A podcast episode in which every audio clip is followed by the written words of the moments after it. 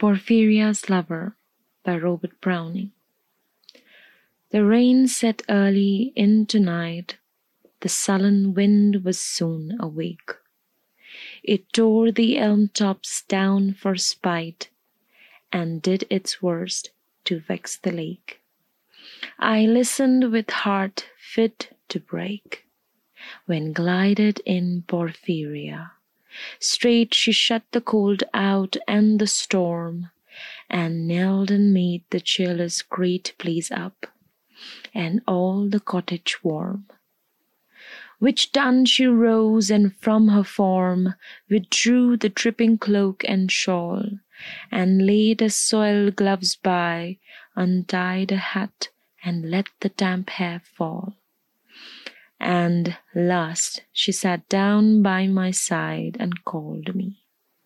When no voice replied, she put my arm about her waist and made her smooth white shoulder bare, and all her yellow hair displaced, and stooping made my cheek lie there, and spread over all her yellow hair, murmuring how she loved me she too weak for all her heart's endeavor to set its struggling passion free from pride and vainer ties dissever, and give herself to me forever.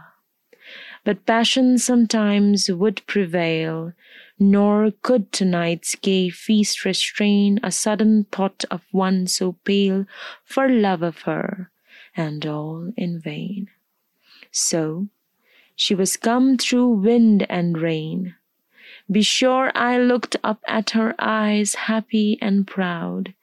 At last I knew Porphyria worshipped me. Surprise made my heart swell, and still it grew while I debated what to do. That moment she was mine, mine fair, perfectly pure and good.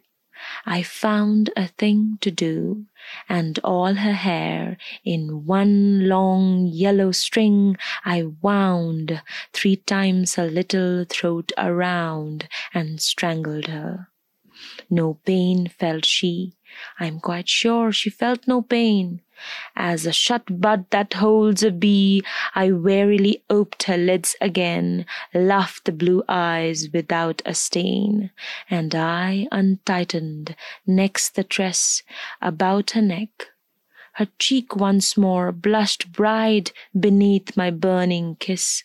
I propped her head up as before, only this time my shoulder bore her head, which droops upon it still the smiling rosy little head, so glad it has its utmost will, that all it scorned at once is fled, and I, its love, am gained instead. Porphyria's love, she guessed not how her darling one wish would be heard, and thus we sit together now, and all night long we have not stirred, and yet God has not said a word.